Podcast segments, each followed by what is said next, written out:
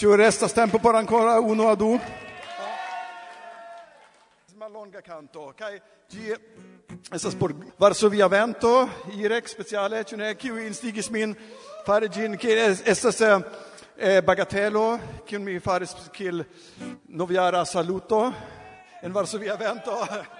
Eh, Kvankam estas meze de la somero, tamen... Varsovia vento.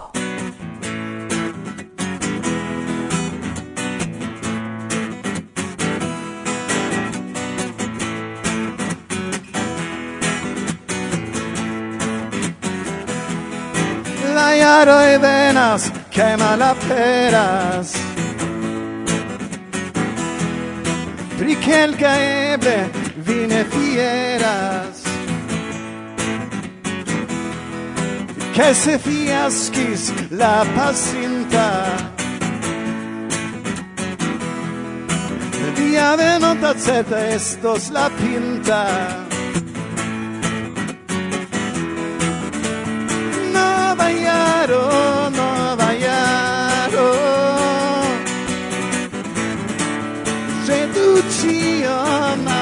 oyes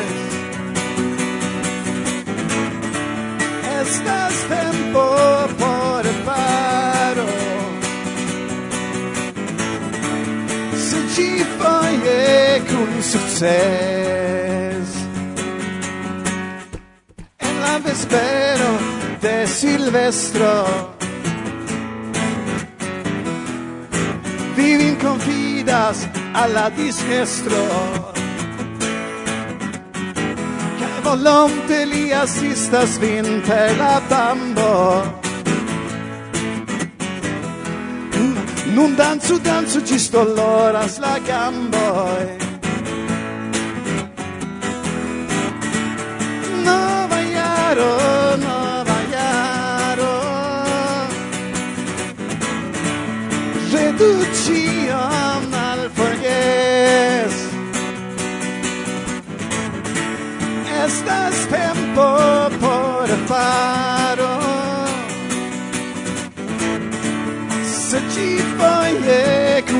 veces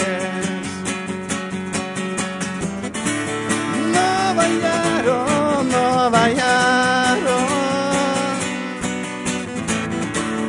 Reducían al forget. Esta chanson por paro. Se ci poi è con successo. Dankon! Oh. Do... do, antaŭ momento festis ni komencon de la nova jaro. Mm, kaj nun venas tempo ĝin adiaŭi. Kaj festi la sekvan novan, ĉu? Mm, baldaŭ. Baldaŭ. Kaj poste denove. Tamen, eh, kio valoras rimarki ankoraŭ antaŭ ni printempo kaj somero. Oh, bone sonas speciale la vorto somero. No, printempo ankaŭ sonas bone. Se temas pri ĝardeno, sendube jes. Yes. Do antaŭ ol venos ambaŭ sezono post sezono. Aŭskultu ni la cent dekan elsendon. De Varsovia vento. Bla, bla, bla.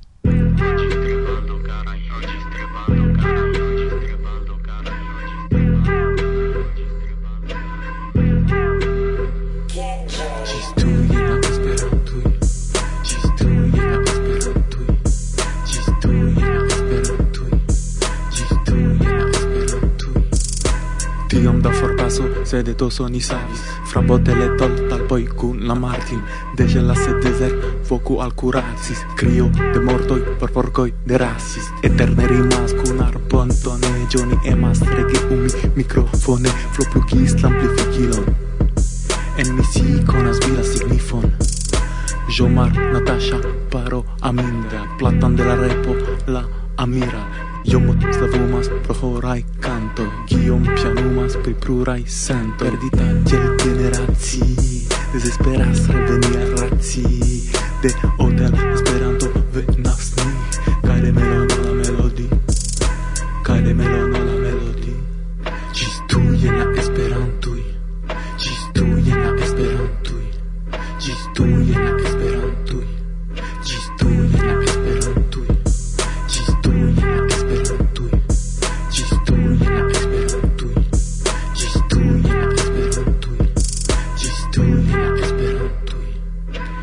Del c'è la tavolo con botello da champano Inizialo i dojo, rogge por la compano. Persone o te ame, bone sonas. En butigo cion, kion bezonas Che la sorti de dolce avaro?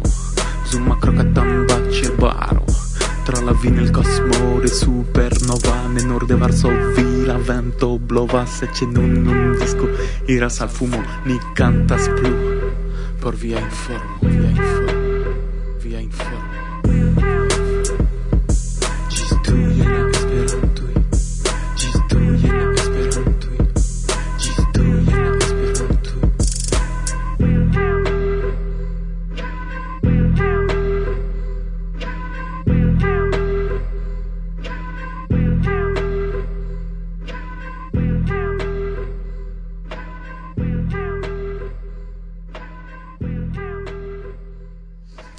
Do, mm, eh, por la comenzo unue visitos ni Rigon. Kiu ne scias, ki estas la urbo, prenu mapon de Eŭropo kaj trovu Latvion.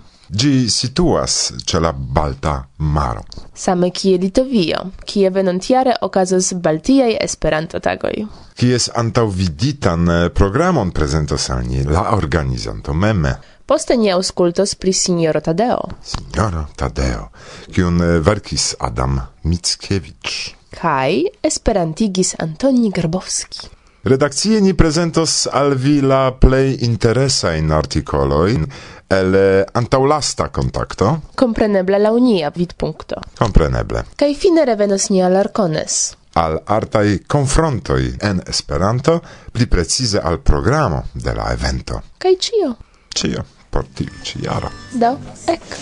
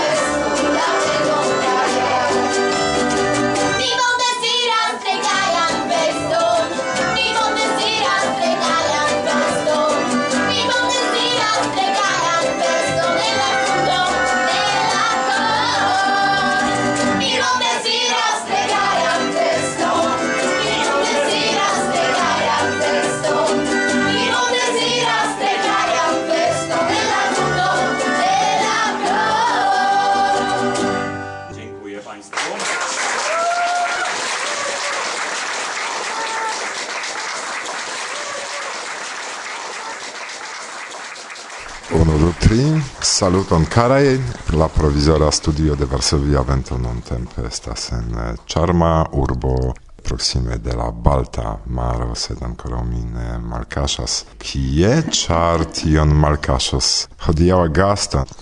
Antaŭ mikrofono Irek. Kasia. Kaj. Margareta. Saluton Margareta, kie ni estas ĝuste? Giuste nun ni estas en Rigo. Ĉu en Rigo estas esperantistoj krom vi? Jes, kaj venos ankaŭ ĉi-vespere al kluba kunveno de Riga Esperanto-klubo. Ĉu multaj esperantistoj estas en eh, la loka klubo? Nu, mi esperas ke aperos ĉirkaŭ dudek hodiaŭ vespere. Kaj ĉi parolas Esperante? Uh, naŭdek kvin procentoj. Naŭdek kvin procentoj homoj, imagu. Kiom foje vi renkontiĝas? Ni renkontiĝas ĉiun duan kaj kvaran mardon de la monato. Jela? Jela de koka horo. Ĉu estas trovebla en la reto iu informo, se subite eksterlandano kiel mi aperos en Rigo, kieli aŭ ŝi serĉu esperantistojn ĉi tie? Nu, vizitu la hejmpaĝon de Latvia Esperanto Asocio kaj tie estas programo de nia klubo. Kaj eh, pri kio kutime vi okupiĝas dum la klubaj renkontiĝoj? Nu, ni havas eh, programon antaŭe planitan, kutime ni planas eh, por la uh, duonjaro, kai nu estas diversaj programeroj ligitaj kaj kun Esperanto literaturo, aktualaĵoj, diversaj jubileoj de esperantistoj kaj aliaj. Pri kio estis la lasta renkontiĝo ekzemple? Pri la dudek tria internacia Esperanto semajno de la kulturo kaj turismo en Hispanio. Ĉu iu membro alinter vi estis? Ano de nia klubo partoprenis la aranĝon. Kaj? Kaj... Sonbruniĝinta revenis. Nu, pli malpli sonbruniĝinta kaj interese rakontis uh, Hispanio certe alloga Yes. Do de ĉi tie malpli varma lando ĉiukore ni salutas la organizantojn de tiu ĉi renkontiĝo. Kio alportis Esperanton al Latvio? Uh, no, uh, verŝajne Zamenhof mem, ĉar Latvio sufiĉe frue eksciis pri Esperanto. La unua libro por Latvoj aperis jam du jaroj post la unua libro de Zamenhof en 1889. En la latva lingvo? Jes. Esperanto lerno libro por Latvoj la unua libro au libro por latvoj speciale, ĉar la unua libro havis siajn multajn lingvoversiojn, ĉu ne? Nu, no, la unua libro havis versiojn en rusa, germana, angla kaj franca. Tio estis por latvoj kaj aperis du jarojn pli poste. Autoro de la libro kaj ni kalkulas ankaŭ lin kiel la unua latva esperantisto Rudolfs Libeks chemiisto, inĝeniero? Ne, giornalisto, verkisto. Kaj uh, eble li pli multe farus uh, por uh, Latvio kaj por Esperanto, sed li decidis sufiĉe mm, frue post la eldono de la unua libro, post tri jaroj forlasi Latvion kaj forveturis Brazilion Kaj ni opinias ke li estis ankaŭ laŭ no esperantisto en Brazilio, ĉar jam en 1992.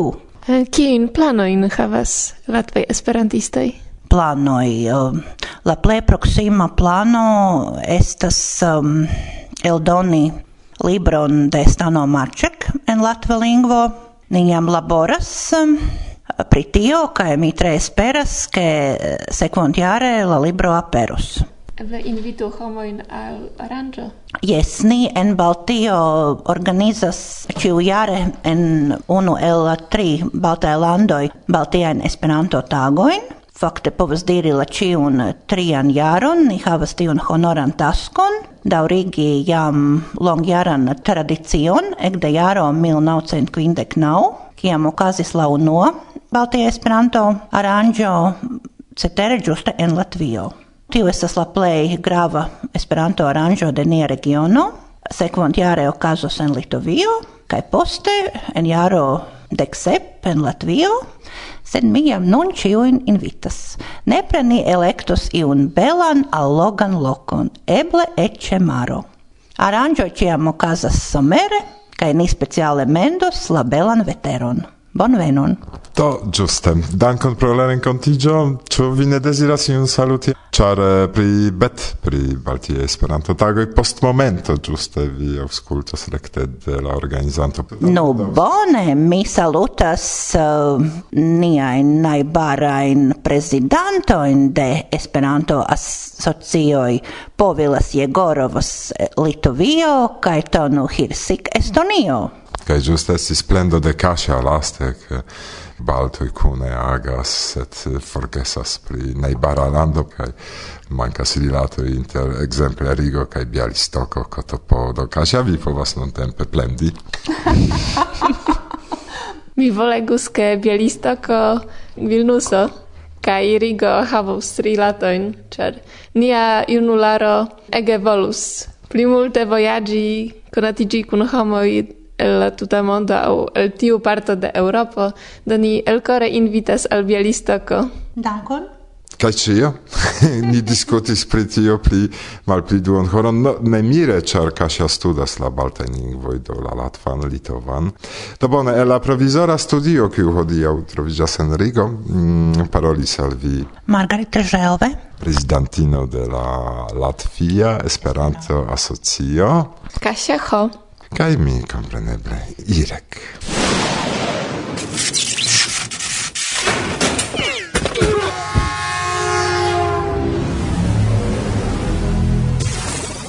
Varsovia vento, bla bla bla.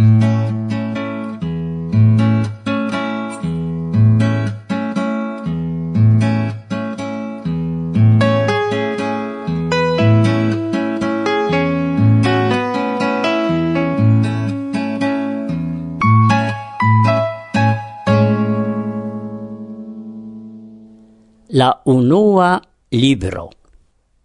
1887. Antau parolo cae plena lerno libro. alla afero kiun mi nun proponas al la leganta publico, mi oferis miain plei bonain jaroin. Mi esperas, che la leganto pro la gravezzo de la afero volonte offeros al gi iom da pacienzo cae attente tralegos la nun proponitan brosuron gis la fino. Ciom da tempo cae laboro estas perditai por la lernado de fremdai lingvoi. Sed se ciu el ni havus nur du lingvoin, la gepatran ca internazian. Tiam farigius comunai, educado, idealoi, convincoi, celado, cian grandegan signifon lingvo internazia havus por la scienzo, commerzo. Nenia ofero estus tro granda se oni povus per gi aciri al ni la lingvon comune homan. Mi sentis che mi staras antau rubicono. Oh, oh, mia cor, ne batu mal tranquille. El mia brusto nun ne saltu for. Iam teni min ne povas mi facile, ho mia cor. kiam aperos mia brosuro mi jam ne havos la eblon reiri. Ho, oh, mia cor! Post longa laborado, ciu mi ne vencos en decida hor? suffice tranquilligiu del batado. ho oh, mia cor! mi metas sur la carton la tutan estontan tranquillecon cae existadon mian kaj de mia familio, sed mi ne povas forlasi la ideon, kiu eniris mian korpon kaj sangon, cae mi transiris rubiconon la malgranda fundamento estas quasau semo, jetita en la mondon. Sed el gi, super gi, devas cresci la tuta lingvo.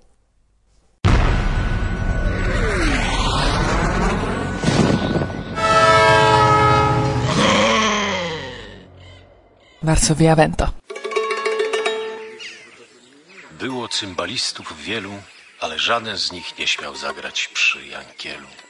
Proszą, ażeby zagrał, podają cymbały. Żyd wzbrania się, powiada, że Ręce zgrubiały, odwyk od grania nie śmiej, panów się wstydzi. kłaniając się umyka. Gdy to Zosia widzi, podbiega i Jankielu, mówi. jeśli łaskasz. Wszak to me zaręczyny. Zagrajże, Jankielu. Wszak nieraz przyrzekałeś grać na mym weselu.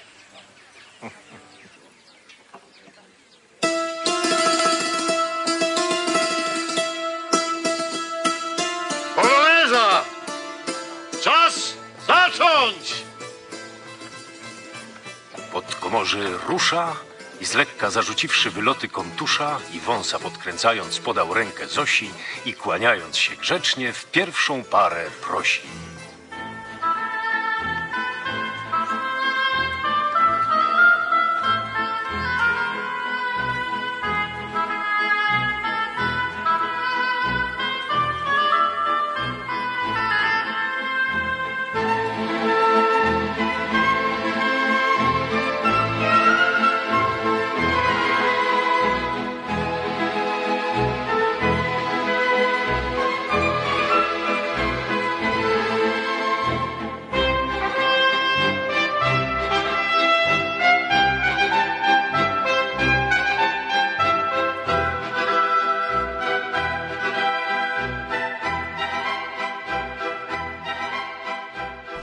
Hodiaŭ eh, denove ni tuŝas la temon de la esperantista literaturo, sed ne nur, ĉar eh, ĉe la okazo parolos ni ankaŭ pri la movada historio.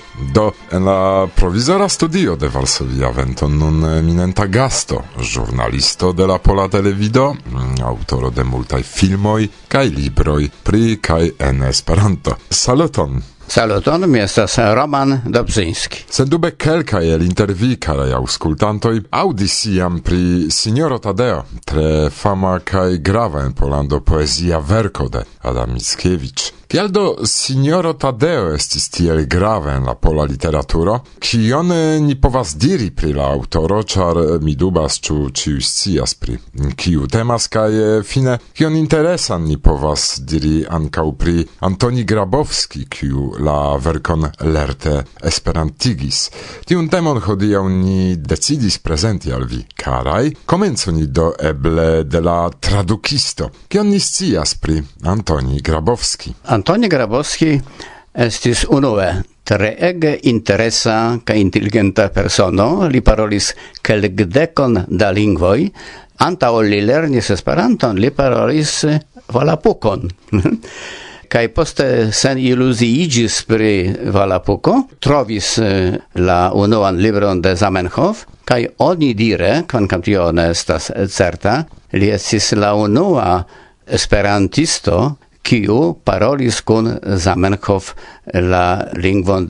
La unua ekster la familia rondo jes. Ĉar la familianoj Esperanton konis. Jes vi pravas ĉar fakte familianoj ĉiuj parolis Esperanton.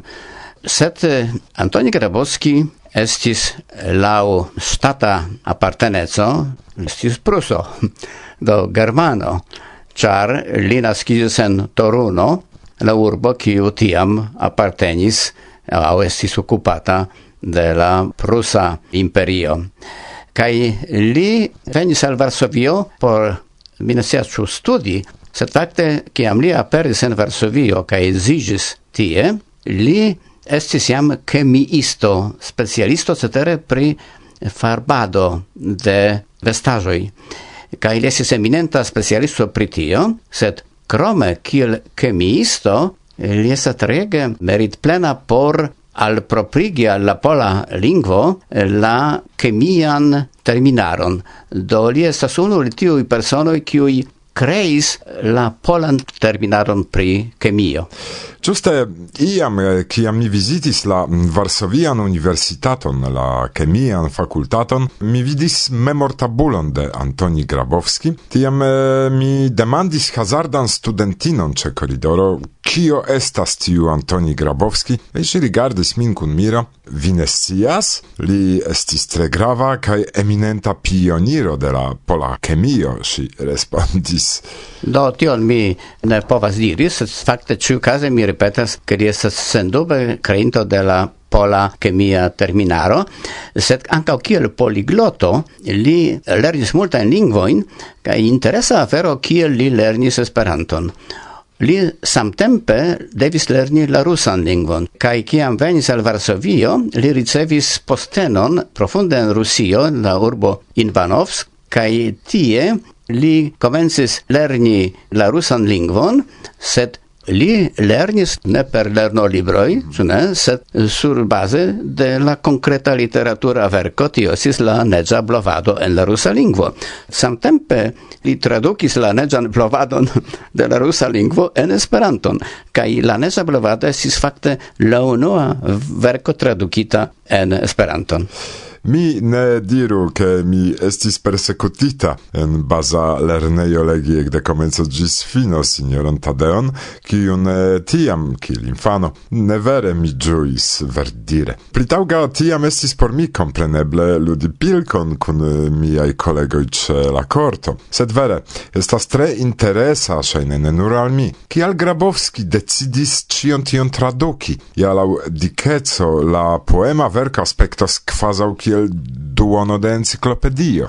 Eh, Vido, kiam Grabowski decidis traduki Signoron Fadelon en Esperanto, li unue tradukis fragmentoin de tiu ci verko, kaj cetere Signoro Tadeo en tiu epoko estis iu nacia relikvo. Mi devus paroli iom pli longe pri tiu afero, kia maniere Signora Tadeo, kiu estis verkita dum mallonga tempo en Parizo, Mickiewicz finis eh, verkadon de signora Tadeo en 1834 jaro. Unue tiu verko ne estis bone akceptita, ne, ankaŭ de poloj kiu vivis en Francio, sed iom post iom tiu verko fariĝis trege grava por la tuta popolo, aspiranta al reacquiro de sia sendependeco. Do, gi en iu momento, speciale post la insurreccioi, giu eble ne ciui, sias che dom la decnava iarcento in Polando esi tru grande insurreccioi contra russai, ciui terrore suffocita in sango, ne? kai tiam speciale post la dua insurreccion la jaro 1863 tiam la popolo estis jetita sur genuoi, ne?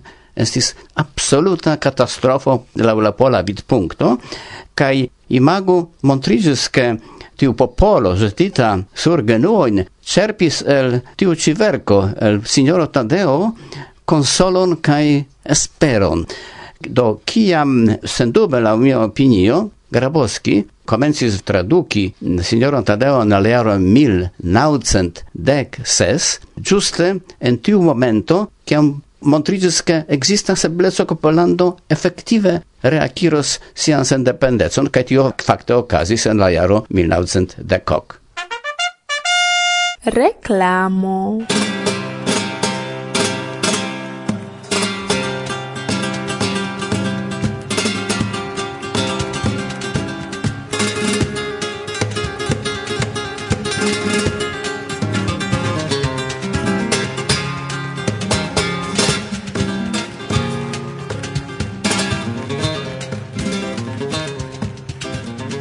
Ĉu vi ŝatas Hispanion, ĝian interesan kaj viglan kulturon, varmajn dancojn, bongustajn manĝojn kaj trinkaĵojn? Ĉu vi ŝatas Esperanton, la lingvon kiu ligas nin ĉiujn, kie ajn ni loĝas? Tiuj ambaŭ temoj renkontiĝos venontjare inter la 30 de junio kaj 4 de julio 2016 en Herra malnova kaj fascina urbeto kie okazos la jubilea sepdek kvina hispana kongreso de Esperanto. Interesiĝu pri la evento, planu tempon veni, vidi kaj ĝui la hispanan tradicion kaj la internacian etoson. La Hispana Esperanto Federacio kore invitas vin kune festi la jubileon en akompano de zorge kaj riĉe preparata programo. Ne tradormu tiun okazon. La jubileo okazas nur unu foje. Bonvenon.